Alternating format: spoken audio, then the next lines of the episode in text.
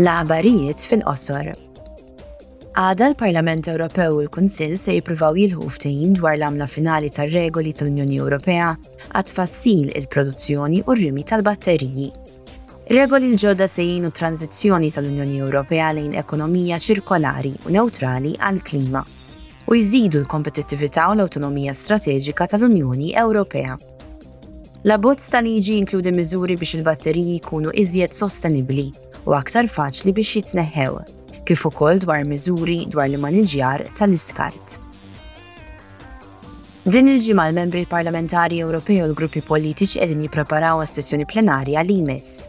Il-ġimgħa d-dieħla fi Strasburgu l-Parlament Ewropew se jiddiskuti strateġiji biex jiddefendi d-demokrazija minn intil barrani, jivvaluta r-riżultat tal-Konferenza dwar it-Tibdil tal-Klima COP27 u jisma' mingħand il-Prim Ministru Sloven Robert Golob bħala parti mis-sensiela ta' dibattiti bl-isem Din hi l-Ewropa.